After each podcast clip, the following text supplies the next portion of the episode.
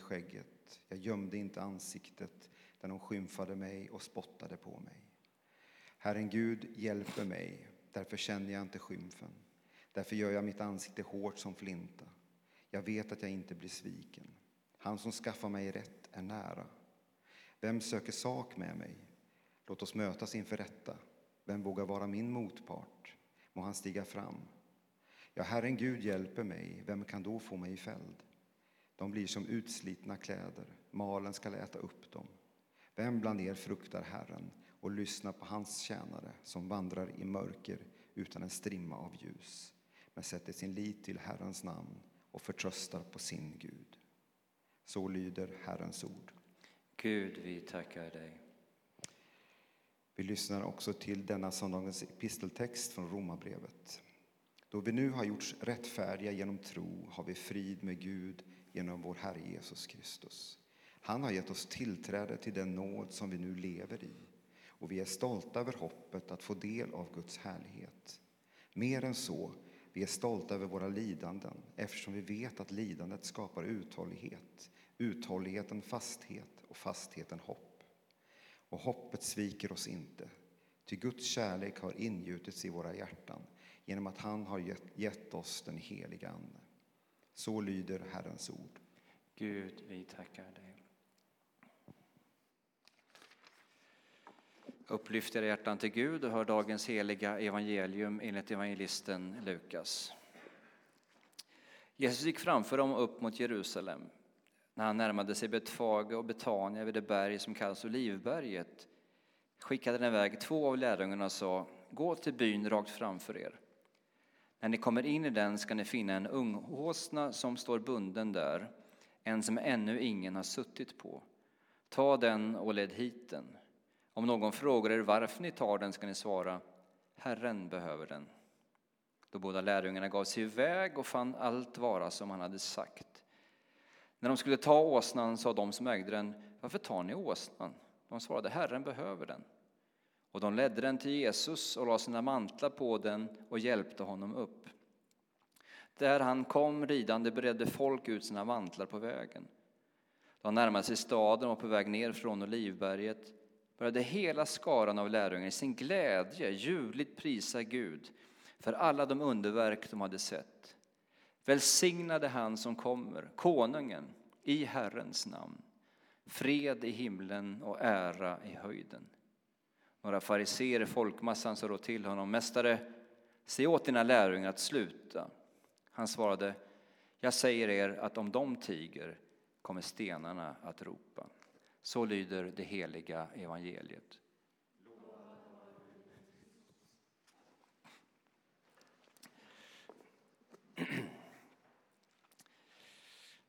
Jag ska uppehålla mig till det Paulus skriver i Romarbrevet. Och de två första meningarna i dagens episteltext är så laddade med substantiellt innehåll att min rekommendation är att ni tar de två meningarna och mediterar över dem de närmsta 25 åren. För det kommer räcka. Ni behöver inte ha mer än det. Och kanske efter 25 år så har ni fattat någonting av vad det handlar om. För Paulus formulerar nämligen där det som är trons kärna, det som är vårt livs mening och ger oss ledstjärnor hur vi ska orientera oss i livet och tolka det på ett rätt sätt. Och den här de här verserna utgörs av fyra beståndsdelar. Nu sa jag i och för sig förra predikan att allt utan tre punkter, utanför tre punkter är villolära, men, men eh, Herren har ändrat på den sanningen för den här söndagen. Vad är det han säger egentligen? För det första säger han, vi har blivit rättfärdiga, eller vi har gjorts rättfärdiga genom tron. Det var det här budskapet som förvandlade den gode Martin Luthers liv. Han levde under en gastkramande ångest sen barnsben egentligen. Men det släppte sitt grepp när evangeliets ljus lyste upp hans själs mörker. Alltså han försökte desperat, intensivt och som nog ingen annan av oss har gjort bli rättfärdig, bli godkänd, uppfylla det som evangeliet kräver. Och han biktade sig ju dagligen. Och efter en sån session, han har suttit sex timmar hos sin biktfader, stackars man. Så när han var på väg ut ur biktrummet, hade kommit en bit in i klostergången, så kom han ju på att han var ganska nöjd med sin bikt. Och då insåg han, det här är stolthet, så han bara vände om och knackade på dörren och sa, jag måste bikta mig igen. Och Staupitz sa, gå och gör en riktiga synd, begå äktenskapsbrott, gör vad som helst, kom igen. Men när han såg detta, att vi har blivit rättfärdiggjorda, imperfekt, alltså inte någonting vi ska uppnå, utan någonting som har givits oss, så förvandlade det hela hans liv och nästan hela Europa. Känner du dig rättfärdig? Det är en bra fråga. När du vaknar så här på morgonen, eller kanske framförallt senare på kvällen. Känner man sig rättfärdig? Är du rättfärdig? Ja. Eftersom det är en gåva, någonting som tillräknas dig, någonting som du får fritt och förintet. Och det var ju det som helt pulveriserade Martin Luther. insåg alla mina faster, alla mina böner, all min späkelse, allt detta har jag gjort goda saker.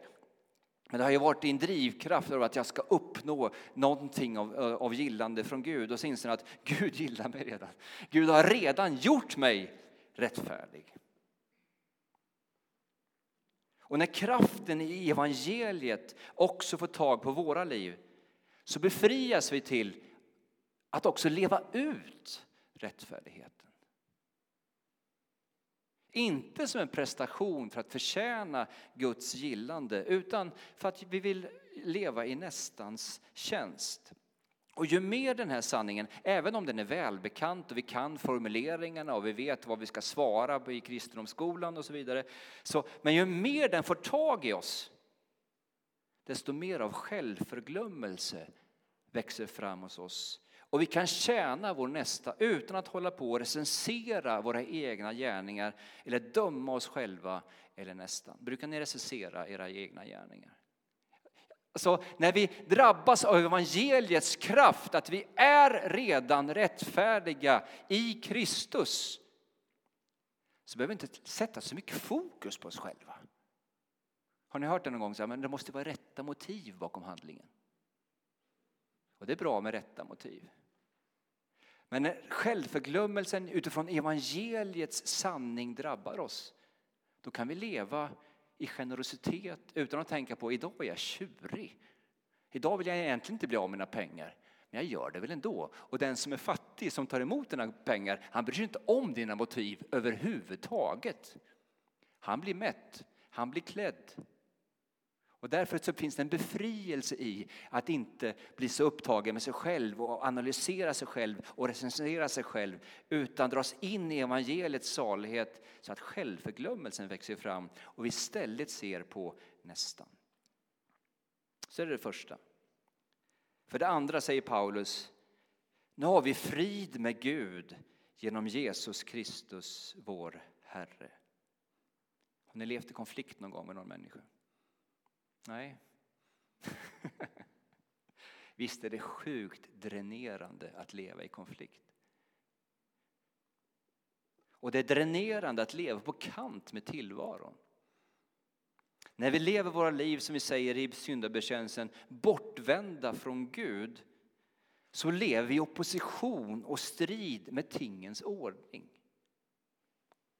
Men när vi sätter vår tillit till Kristi verk på korset uppstår shalom, fred och frid och vi blir Guds vänner. Och problemet när jag tittar ut över den här skaran är att ni, ni har varit kristna alldeles för länge. Så de här begreppen blir harmlösa, urvattnade. Men meditera över detta. Vi som har levt i fiendskap med Gud är nu Guds vänner.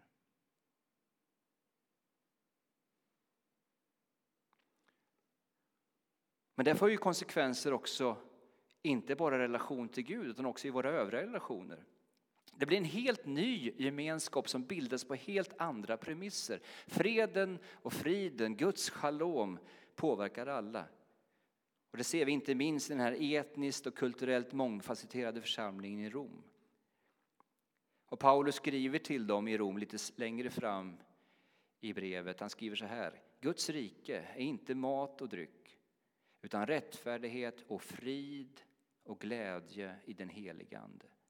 Den som tjänar på det sättet behagar Gud och blir uppskattad av människor. Låt oss därför sträva efter det som gagnar friden och bygger upp gemenskapen.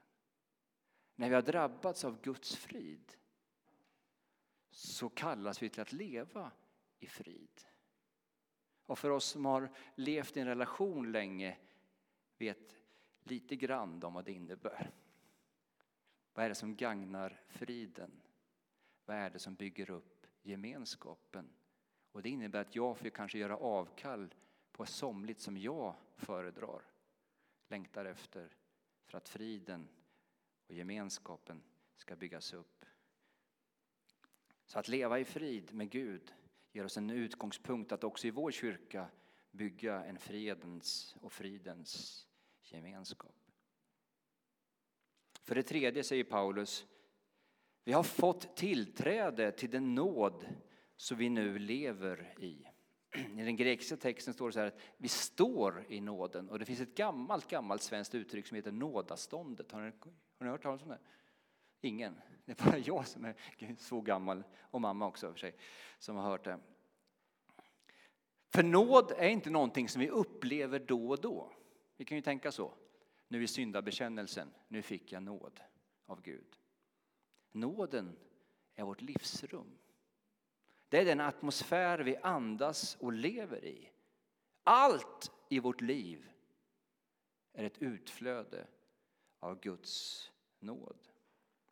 Paulus skriver till de troende i Korint, som är lite sturska, vad äger du som du inte har fått?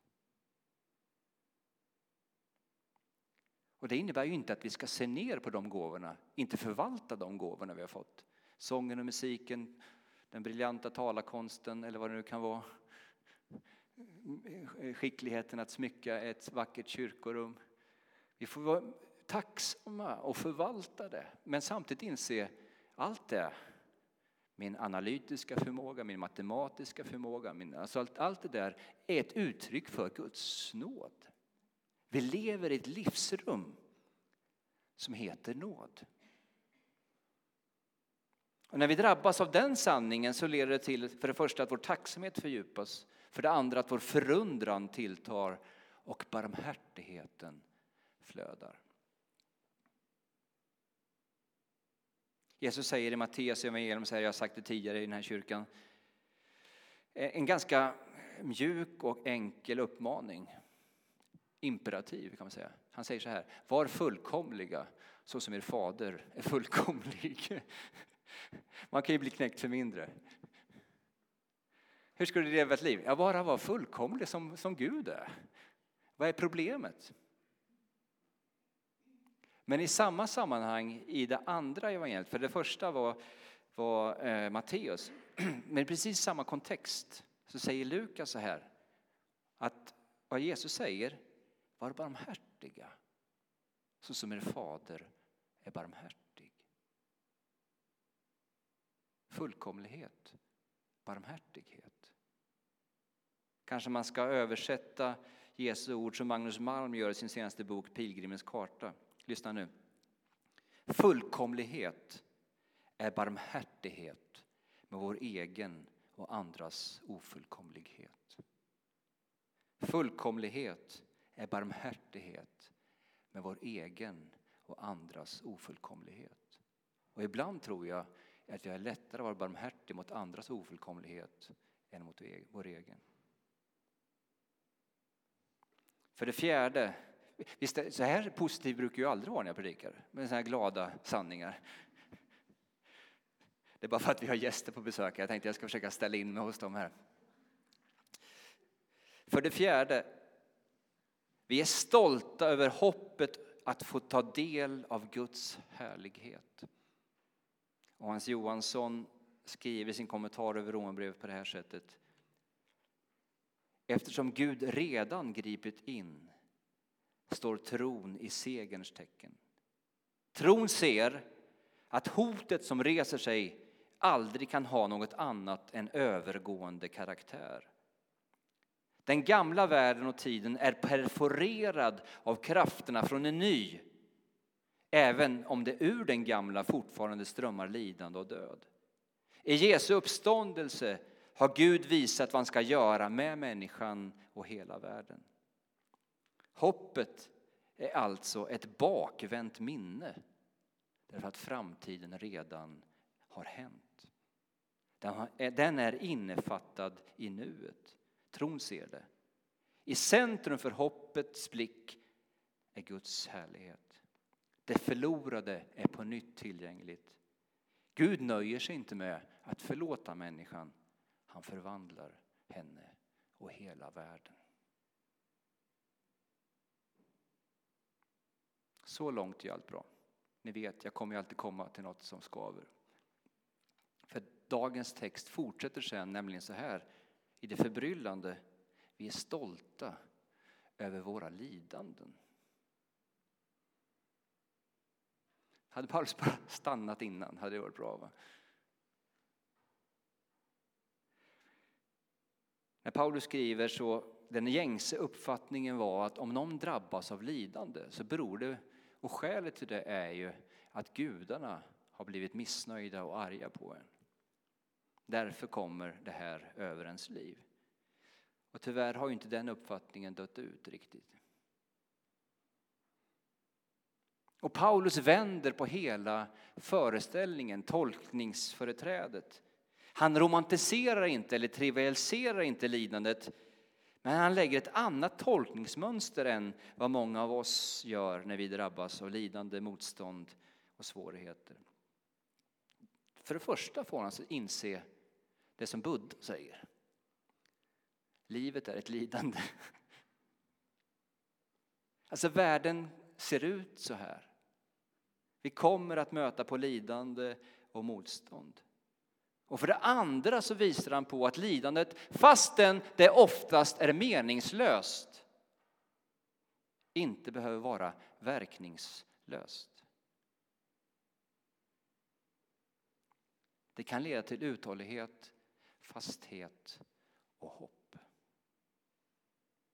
I kraft av Guds nåd föder lidandet inte förtvivlan utan tålmodighet. Det vill säga tro på Guds närvaro och makt i den historiska verkligheten sådan den är. Tron inkarneras i uthållighet.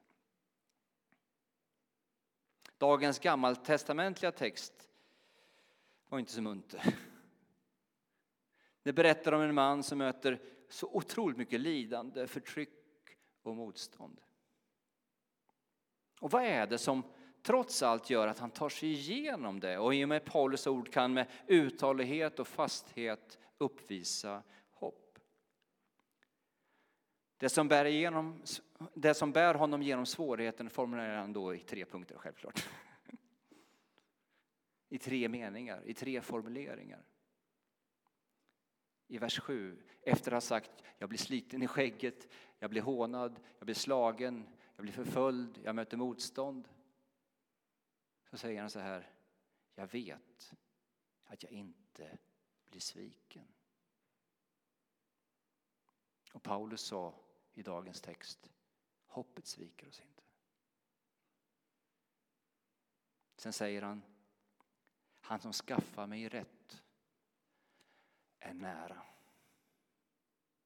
Och Paulus säger, Guds kärlek är ingjuten i våra hjärtan genom den helige Ande.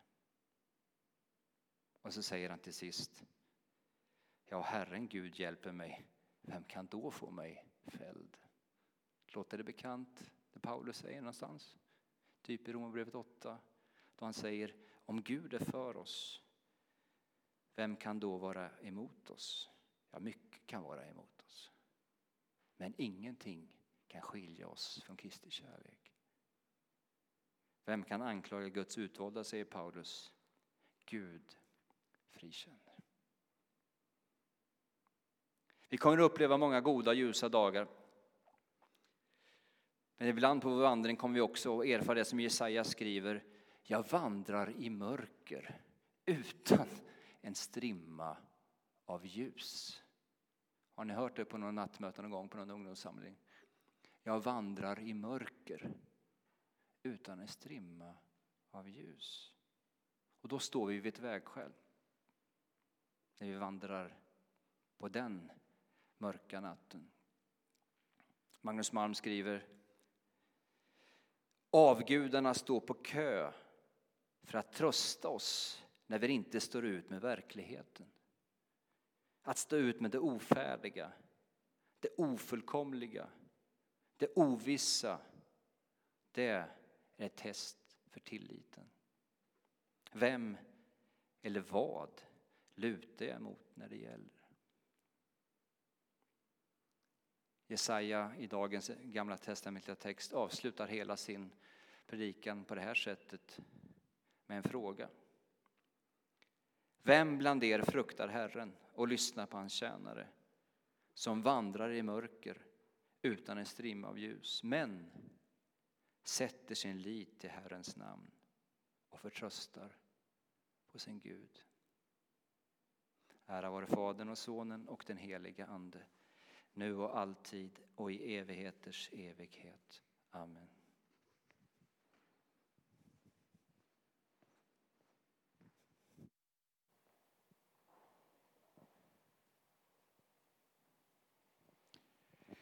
Låt oss stå upp och stämma in i hela kyrkans bekännelse av den kristna tron.